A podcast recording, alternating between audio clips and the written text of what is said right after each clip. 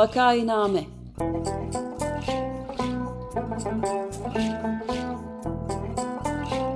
Salgın günlerinde memleket manzaraları. Hazırlayan ve sunanlar Güven Güzeldere ve Ömer Madra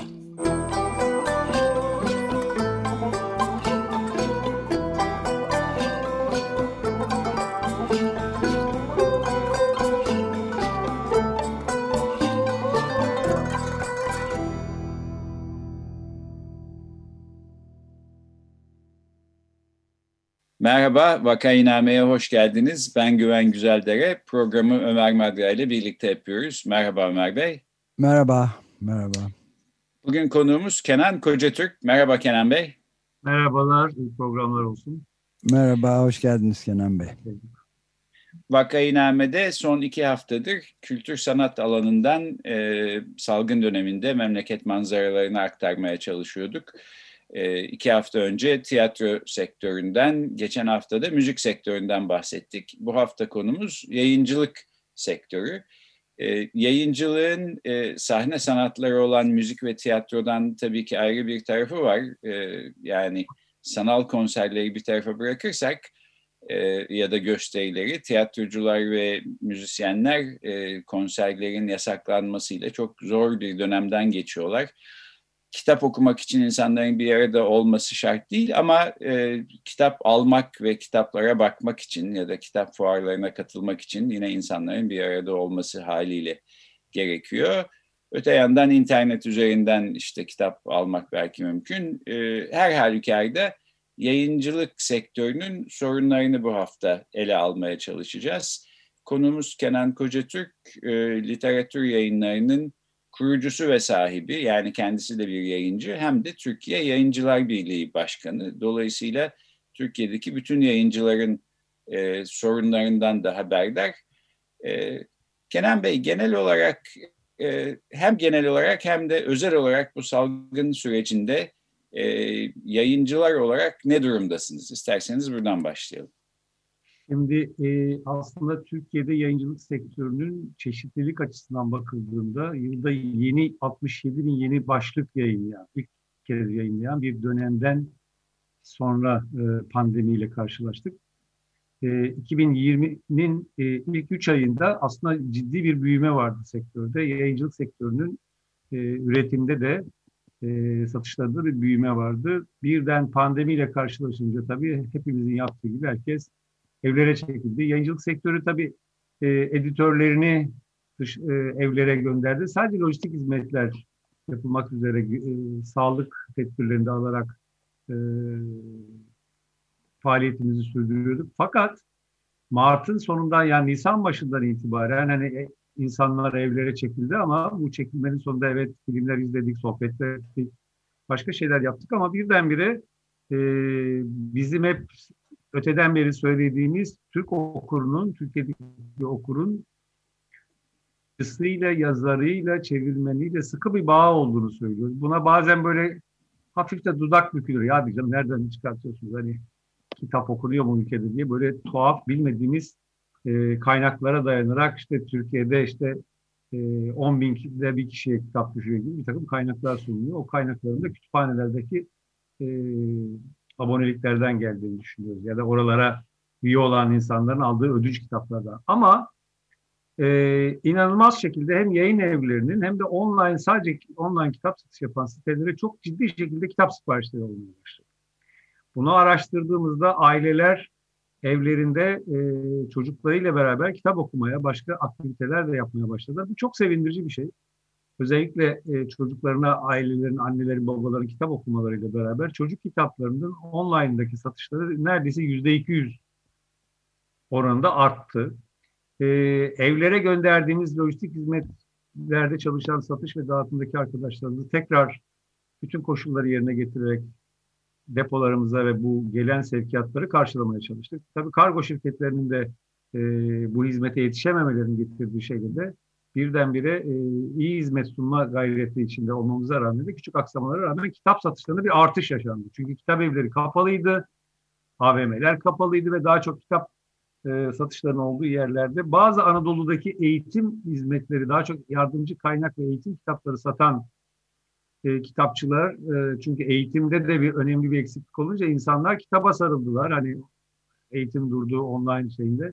Orada bazı cesur kitapçıları siz evde kalın biz kitabınızı getirelim diye çok örnek güzel çalışmalarını da gördük ama Haziran sonuna kadar kapalı olan kitapçılar üzerinden daha çok kitap satışları online'a kaydı.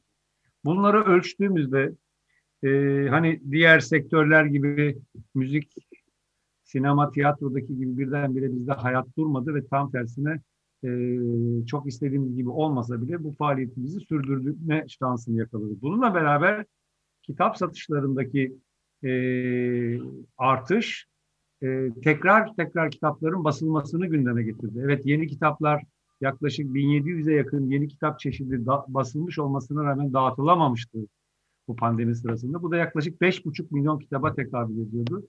Bütün bunlar olurken yeni kitap satışları, e, yeni kitap basımlarımız olamazken tekrar baskılar çoğalmaya başladı. Çünkü e, Türkiye yayıncılık sektörünün elindeki yayıncılarımızın koleksiyonları satmaya başladı. Çocuk kitapları ve diğer ne satıyorsa online'da bunlar satmaya devam etti. Ta ki Haziran sonuna kadar böyle geldi. Sonra tabii bu belirsizliğin şeyle beraber kitap evleri yavaş yavaş açıldı ama bugün kitap evlerindeki satışlarda kabaca işte beklenenin geçmiş yıllara göre baktığımızda yüzde elliler, yüzde altmışları ancak yakaladı ama hala e, kitap satışlarının online üzerinden yürüdüğünü de görüyoruz. Bütün bunlar tabii yeni kitapların yayınlanması hızını kesmişti. Yavaş yavaş yayıncılar tekrar yeni kitap yayınlamaya başladılar ama eski hızında ve eski tirajlarında değil. E, eğitim ve yardımcı kaynak yayınlarında bir hız kesmeden üretim devam etti, satışlar da devam etti. Orada mesela devletin kendi eğitim kaynaklarıyla bu, bu eğitimin yapabileceği ve dağıttıkları ücretsiz ders kitaplarıyla eğitim yeterlidir demelerine rağmen bunun öyle olmadığını ve yardımcı kaynak kitaplara çok ihtiyaç olduğu ortaya çıktı ve online eğitimlerle beraber o kitap satışlarında yükselme var. Kültür yayınlarında ise diğer sektörlere göre biz hani yüzde onluk bir küçülme görüyoruz. Kültürden kastımız hani kurgu, kurgu dışı çocuk yayınlarının toplamında böyle bir şey görüyoruz. Tabii okulların Eylül ve Ekim ayında okulların açılmasını beklerken onların açılmaması nedeniyle e, kitap evlerinin normalde Ağustos ayında sipariş edip de stoklarına koydukları çeşitleri hayata geçmeyince e, üniversitelerinde online eğitimle e, eğitimlerine başlamasıyla beraber yayıncılık sektörü beklediği satışları yapamayacakmış gibi bir noktadaydı. Fakat şöyle bir şey oldu. Yani bir ötelenme görüyorum ben. Eylül ayında ve Ağustos ayında yayıncıların yaptığı satışlar yavaş yavaş kitapçılarla beraber kendi online satış siteleri ve online sadece kitap satan satış siteleriyle beraber yürümeye devam ediyor. Ama bu hani devam eder mi etmez mi bunun da kaygıları var. Dünyada da yayıncılık sektöründe benzer küçülmeler, benzer şeyler var. Ama e, başka ülkelerde yayıncılık sektörüyle ilgili çok önemli finansal destekler oldu. Devletlerin çok ciddi kaynak aktarımları söz konusu oldu. Bizde ne yazık ki yani bu anlamda çok ciddi bir kaynak aktarımı olmadan bağımsız yayıncılığımız her zaman söylediğimiz gibi bu bağımsız yayıncılığımızın kendi gücüyle ayakta kaldığı ve zaten hani e, çok da büyük destek görmeden yürüttüğü yayıncılığını sürdürmeye çalışıyor pandemi sırasında da. Burada tabii bunu yaparken de Yayıncılar Birliği olarak biz e, üyelerimizle ve bütün yayıncı arkadaşlarımızla, paydaşlarımızla bu krizden böyle çıkacağımızı düşünerek çeşitli toplantılarla ayakta kalmanın yolunu bulduk, tartıştık, konuştuk. Sorunlarımızı paydaşlarla olabilecek olan sorunları yani yayıncılara ödeme yapması gereken kitap evlerinin, dağıtımcıların ödemelerinin yapılmasını e, ile beraber konuşarak diyalogla bunları çözmenin ötesinde bir de tabii bu dijitalleşmeyle beraber bizim Nisan ayında yapmayı düşündüğümüz ve her iki yılda bir yaptığımız yayıncılık kurultayımız var. Yayıncılık kurultayında ne yapıyoruz? Ülkemizin telif haklarından tutun, düşünce ifade özgürlüğü ihlallerine kadar birçok konusunu masaya yatırıp profesyonelleşme meselesiyle ilgili yayıncılık sektörünün esnaflıktan endüstriye doğru giden bir yapı içerisinde görüyoruz. Bununla ilgili hem e, kamuoyuna hem kendi içimizdeki içimize dönük hem de e, yasa koyucuya ya da devlete ya da hükümetlere kültür alanındaki yapılması gereken konuları ile ilgili mevzuat iyileştirmelerini tartıştığımız kurultayımız oluyordu. Bunu yapamamıştık. Bunu Haziran ayında yaptık. Ve inanılmaz bir şey oldu. Yani Haziran ayında bizim davet etmeyi düşündüğümüz ve geçmiş koşul, geçmiş dönemlerde e, ya programın uymadığı ya uçak bileti bulamadığımız, getiremediğimiz önemli yayıncılar ve yazarlar ve çevirmenleri davet ettiğimizde çok canlı, çok dinamik bir kurultay yaptık. Kurultayın açılış konuşmasına Uluslararası Yayıncılar Birliği Başkanı e, katıldı. E, çok önemli e, konuklarımızdan Amin Maluf, Türk okuruna bir e, 6-7 dakikalık bir e, merhaba deyip dünyadaki yayıncılığın da pandemideki edebiyatın iyileştirici gücünden söz etti. E, e, Alfred Manguel Arjantin'den e, bize katılarak sevgili editör ve yayıncı abim Fahri Aral'la beraber ikimizi gözyaşlarına boğan bir konuşma yaptı. Nazım Hikmet'i nasıl tanıdığını ve Türk Edebiyatı deyince Nazım'dan söz açarak kararmasın yeter ki sol memenin altındaki Cevahir şiirini okuyarak bizi ağlattı da. Çok güzel şeyler oldu ve yayıncılar kendi aralarında çevirmenlerle, dağıtımcılarla, kitap evleriyle bu pandemi sırasında ve pandemi sonrasında nasıl bir e, üretim ve nasıl bir satış, içeriklerin geliştirilmesi telif haklarının nasıl dönüşeceğini, dünyada mesela dünyanın önemli telif hakları uzmanlarını arkadaşlarımız konuşmaya geldiler bizimle beraber. Burada yayıncılık sektörü sadece Türkiye'de değil, dünyada pandemiden sonra nasıl bir evrim geçirecek, neler olacak? Ofisler birdenbire tabii Türkiye'de de görüyoruz. O koca koca ofislere artık dünyada da ihtiyaç duyulmadığını, herkesin evlerden editoryal çalışmalarını, çeviri çalışmalarını, e, tasarım çalışmalarını yapabildiğini. Bugün Türkiye'de biz de bunu görüyoruz. Bütün arkadaşlarımız özellikle yaratıcı e, işleri yapan arkadaşlarımızın evlerinde çalışarak zorunlu olan diğer kadrolarımızın hani muhasebe ve lojistik hizmetteki arkadaşlarımız ofislere geliyorlar. Dünyanın da böyle bir değişim içerisinde olduğu bir dönemde bu kurultayla beraber aslında uluslararası yayın dünyasında da Türkiye'den e, Uluslararası Yayıncılar Birliği Başkanı ve Genel Sekreterinin söylediği bir şeydir. Bundan da çok sevinç duyuyoruz.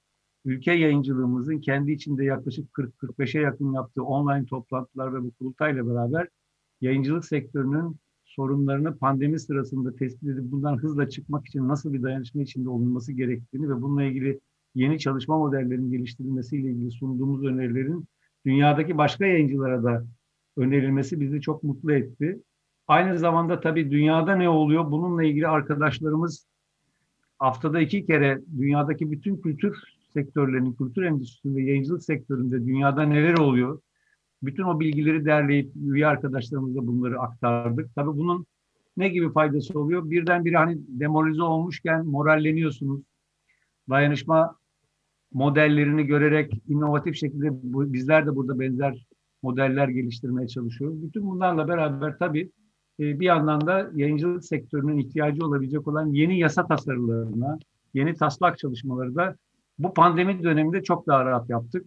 E, belki biliyorsunuzdur kültür endüstrisi kıta Avrupa'sında özellikle Almanya'da, Fransa'da, e, İspanya, İtalya ve Hollanda'da sabit fiyat yasası dedikleri bir yasayla kültür endüstrisi bir kamu hizmeti gibi görülüp bu yasanın e, bu tür yasalarla da korunan rekabet hükümlerine, rekabet kanunlarına e, bırakılmayacak kadar önemsenen eğitimin de kültür hayatının da zenginleşmesi açısından önemli buldukları bu sabit fiyat yasaları 1800'lerin sonlarından itibaren hayata geçirdikleri şeyler var.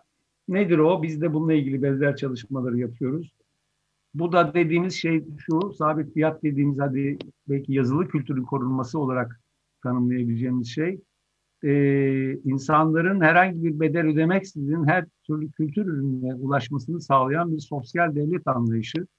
O da nedir? Yani yaygın kütüphanelerin olması, sınıf kitaplıkları, okul kütüphaneleri, bu kütüphanelerle beraber halk kütüphaneleri, yerel kütüphaneler ve kitap alımlarının e, Almanya, Fransa gibi kıta Avrupa'sındaki ülkeler yüzde dokuz gibi bir indirimle yayıncının belirlediği fiyattan satın alıyorlar ve insanların kültüre erişimi, kitaba erişimini bir bedel ödemeden e, hayata geçiriyorlar. Tabii bu neyi sağlıyor? Aynı zamanda yayıncının kendi maliyetlerinin e, ahbap çavuş ilişkileriyle değil de bir kriterler içerisinde kütüphanelere kitap satın alınması o yayıncının ilk yatırım maliyetlerini karşıladığı için de e, ayakta kalma ve o ülkenin kendi kültürel çeşitliliği açısından da daha fazla kitap yayınlama meselesi gündeme geliyor. Dolayısıyla böyle bakıldığında bir de tabii kitapçılarda fiyat aynı fiyattan satılıyor kitaplar. E, herhangi bir şekilde tekelleşmeye izin vermeyen yasalar bunlar. Bir de online e, kitap satıcılarının bir jungle gibi Amerika ve İngiltere'de biliyorsunuz yani özellikle Amazon adını vermekte şey, şey görmüyorum. Ee, online'daki bu yıkıcı indirimlerle bir sürü kitap evi kapanmasına neden oldu. Biliyorsunuzdur Barnes Noble'lardan tutun Border'lara kadar bir sürü kitap evi kapandı. Benzer şey İngiltere'de de bu sabit fiyat yasasından çıktıkları için görülüyor. Fakat Almanya'da gene online satışlar hani hayatımıza girdiği için hani her yerden kitap sipariş etmemiz mümkün. Karşılık çıktığımız anlamına gelmiyor. Almanya'da kitapların satış fiyatı yayıncının belirlediği fiyatlar üzerinden yürüyor. Ee, o zaman da gene pazarın yüzde yirmisini Amazon almış durumda. Aynı şey tersten baktığında İngiltere'de yüzde elli Amazon kaplamış durumda. Hatta bu kitap çeşitliliğinin ve kitap evinde kitabı görmeden sipariş edilememesi meselesinden kaynaklı şekilde Amazon'un Amerika'da kitap evleri açtığı bilgileri var elimizde. Kendilerinin ifadeleriyle. Çünkü bazı bölgelerde kitap satışları online'da düşünce onun nedeni olarak o kitap evlerinin olduğu yerlerde bazen Nobuzlar ya da diğer kitap evleri kapanması nedeniyle insanlar orada kitabı görüp de cep telefonundan sipariş etmemeleri nedeniyle Amazon da kitap evi açıyor diye bir şekilde şeyler duyduk. Gerçek galiba bunlar da. Bu anlamda bakıldığında buradaki söylediğimiz şeyin kıta Avrupa'sındaki kitap fiyatlarının artışıyla e, İngiltere ve Amerika'daki kitap fiyatlarının artışları arasında çok büyük farklar var. Sabit fiyat meselesi sadece yayıncının belirlediği kitap fiyatları üzerinden satılması ve tekerleşmeyi önlemesiyle beraber aslında sosyal devlet olarak kültür hizmeti e, yapan yayıncıların kamu e, hizmeti yaptığı düşünülerek hem e, eğitim hayatının hem kültür hayatının zenginleşmesi için ayakta kalmaları için kitap evlerinin özellikle ayakta kalmasını sağlarlar ve hemen hemen yani hepimiz biliriz e, gezdiğimizde meslek hastalığıdır. E, her gittiğimiz kasabada ya da şehirde kitapçı ararız. Ben gezdiğim Almanya'da ya da Fransa'da, İtalya'da küçük kentlerde bile koca koca kitapçılar gördüğümde çok imrenirim ve kıskanırım. Bunun da hayata geçmesiyle ilgili Türkiye'de Yayıncılar Birliği olarak başlattığımız hem yazar örgütleriyle hem yayıncı örgütleriyle hem meslek örgütleriyle e, çevirmenlerle e, paydaşlarımızla bir yasa taslağının örnek çalışmasını taslak halinde çalışmayla bu pandemi döneminde dijital olanakların getirdiği şeyle bir araya gelmekte mekanen veya zamanla zorlansak bile bunları yapabildik. Bir taslak çalışma hazırladık. Çok yakın bir zamanda da hükümete de bunu sunacağız. Uzun konuştum ama herhalde e, bir pandeminin bir e, fotoğrafını çekmek açısından bakıldığında hem bunları yaptık hem de önümüzde bir takım görevler var. Bu görevler içinde hem kitaplarımızı yayınlamak, çeşitliliğini yapmak açısından e, önemli işler oluyor. Bir tek şu değişiyor yavaş yavaş pandemiyle beraber. E, teknolojinin gelişmesiyle nasıl masaüstü yayıncılık geliştiyse, yayıncılık birden gelişti, e, hızla geliştiyse dünyada, şimdi de bizim print on demand dediğimiz hani sipariş anında üretimli daha küçük üretimlerle matbaalara gitmeden mesela şimdi bugün öyle hale geldi ki Türkiye'de döviz patladı. Türkiye'nin kağıt üretimi olmadığı için dışarıdan kağıt alıyoruz ve bu patlamayla beraber birdenbire maliyetler arttı. Bu artışla beraber yılda 100-200 tane satacak olan kitapları eskiden mecburen biner tane basıp depomuzda bekletirdik. Şimdi artık e, yavaş yavaş bu yeni gelen teknolojiyle beraber dijital baskı çözümleri teknikleriyle artık yayıncı arkadaşlarımız e, 50 tane, 20 tane, 100 tane kitapları e, üreterek en azından o kültür çeşitliliği açısından o eserlerin piyasadan kalkmaması için de çaba harcıyorlar. Böyle de bir yeni bir şeyin getirdiği maliyetlerin ve e, sektörün yaşadığı sıkıntıların çözümü olarak da yayıncılar böyle çözümlerde bulmaya başladı artık. Ben bir şey sorabilir miyim Kenan Bey? Yani bu hükümet desteği e, arasında e, Türkiye'deki hükümet desteğiyle e, uluslararası alanda diğer ülkelerdeki arasında bir fark olduğunu söylediniz. Bir de bu sabit fiyat yasası gibi uygulamanın da e, gene farklılık gösterdiğini söylediniz. Bu açılardan e, ne durumda bulunuyor Türkiye? Şimdi e, birincisi bu destekler açısından bakıldığında Almanya'da benim bildiğim 50 milyar avro kültür endüstrisine destek oldu. Hibe şeklinde. Yani bir e, kredilendirme gibi değildi. Benim Almanya'da yaşayan arkadaşlarım, kardeşim var. Onlar kendi faaliyetlerini Alman hükümeti mesela biliyorum ben e, bir çevirmen arkadaşıma 14 bin euro e, gönderildi ve aman sağlıklı olun evinizde kalın diye. Bizim burada mesela yayıncı arkadaşlarımızın ya da şirketlerin kısa çalışma ödeneği gibi devletin verdiği şeyler var. Bu sadece kültür endüstrisi başkalarına da verilir. Ama mesela sektörün içinde kadrolarımızın dışında olan çevirmenler, düzeltmenler, e, son okumacılar, illüstratörler şeyler bunlar zor durumda ve buralarda ne yazık ki kültür endüstrisi başka e, kültür endüstrisinin diğer alanlarına göre çok öyle göz önünde bulundurulan ve desteklenmesi beklenen bir şey değil. Geçenlerde Cumhurbaşkanı'nın bir e, demecini gördüm. Kültür ve eğitimde sınıfta kaldık diyor. Evet yani Türkiye'deki siyasetçinin kültürle ilgili bir meselesi yok. Daha çok altyapıyla ilgili meseleler konuşuluyor ve kültür endüstrisi aslında yayıncılığın da e, rekabetçi bir e, dünyaya giderken bütün dünyadaki insanlar okuma kültürünün geliştirilerek eğitimin de güçlendirildiği ve çok rekabet içinde olabilecek hem kültürel anlamda kendisini geliştirmiş hem de e, teknik anlamda e, insanlar yetiştirmek için okuma kültürünü çok önemsiyorlar. Buralarda biz gerilerdeyiz. İkincisi sabit fiyat meselesiyle ilgili Türkiye Avrupa Birliği e, yolundan müktesebatı açısından bir sürü kanunlarını değiştirmiş. Bu arada biz yayıncılar da uyumuşuz tabii. 2005'teki bu süre içerisinde kıta Avrupa'sının sosyal devlet olarak sabit fiyat yasası dediğimiz şey aslında insanların kültüre ulaşması için e, kütüphanelerin, yaygın kütüphanelerin aslında Türkiye Cumhuriyeti'nin evet. temelinde şeyinde var. Hani unuttuklarımızı hatırlarsak biraz.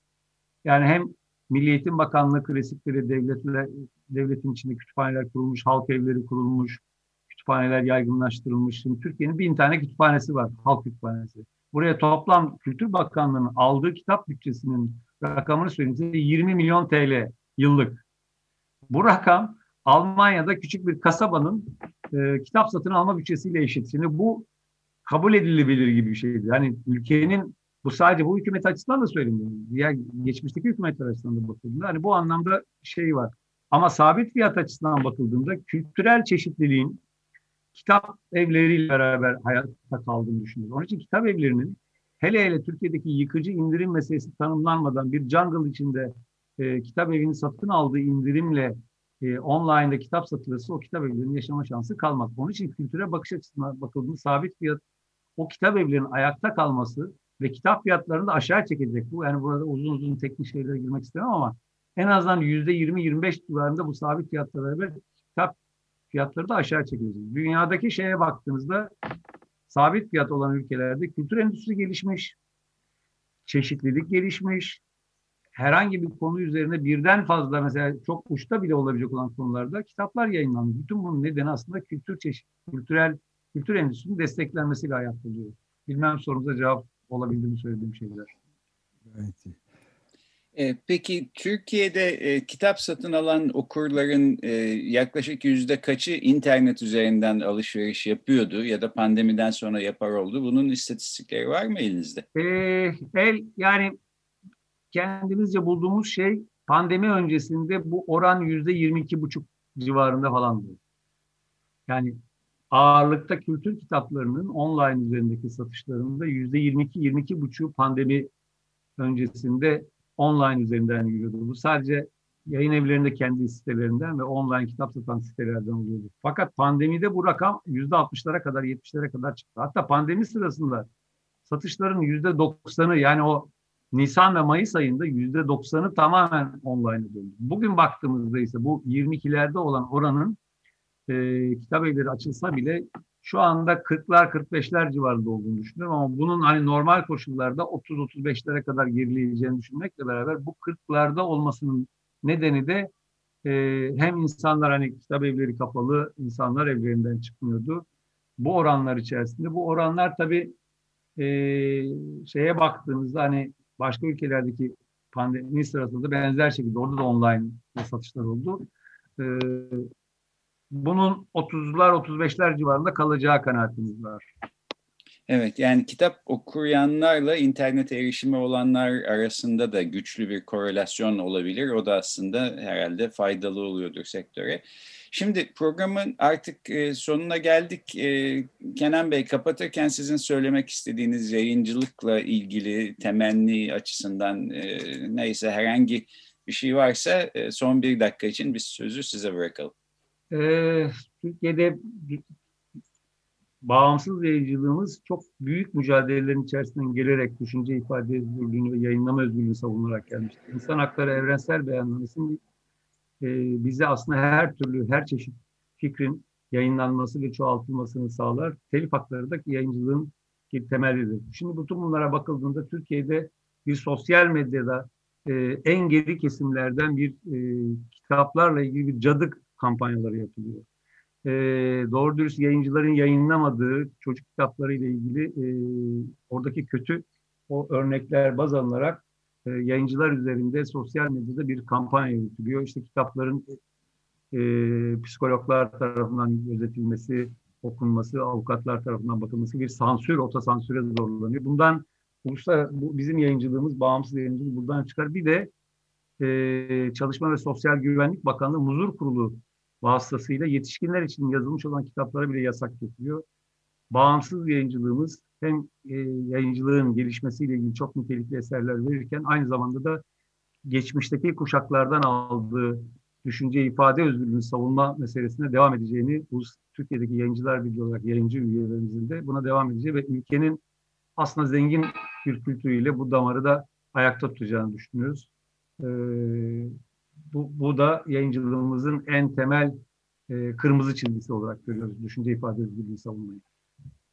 Evet, ben de aslında Türkiye'de çok canlı bir yayıncılık sektörü olduğunu düşünüyorum. Çok güzel kitaplar çevriliyor. Ee, çok kişinin emeği var. Ee, kişisel olarak e, teşekkürlerimi iletmek isterim bütün yayıncılık sektörünün emekçilerine, e, çevirmenlerine, yayıncılarına, herkese. Ee, böylece e, Evet, böylece bitiriyoruz galiba. Bugün konuğumuz e, Türkiye Yayıncılar Birliği Başkanı ve literatür yayınlarının sahibi Kenan Kocatürk'tü. Vakainame'de yayıncılık sektörünün sorunlarını konuştuk. Çok teşekkür ediyoruz Kenan Bey. Ben Çok teşekkür ederim bu fırsatı verdiğiniz için. İyi yayınlar diliyorum. Bütün okurlara da selamlar, saygılar. Görüşmek üzere, hoşçakalın. Hoşçakalın.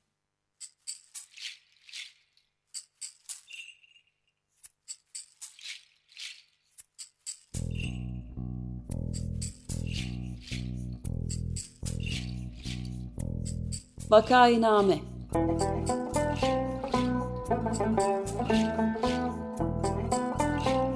Salgın günlerinde memleket manzaraları. Hazırlayan ve sunanlar Güven Güzeldere ve Ömer Madra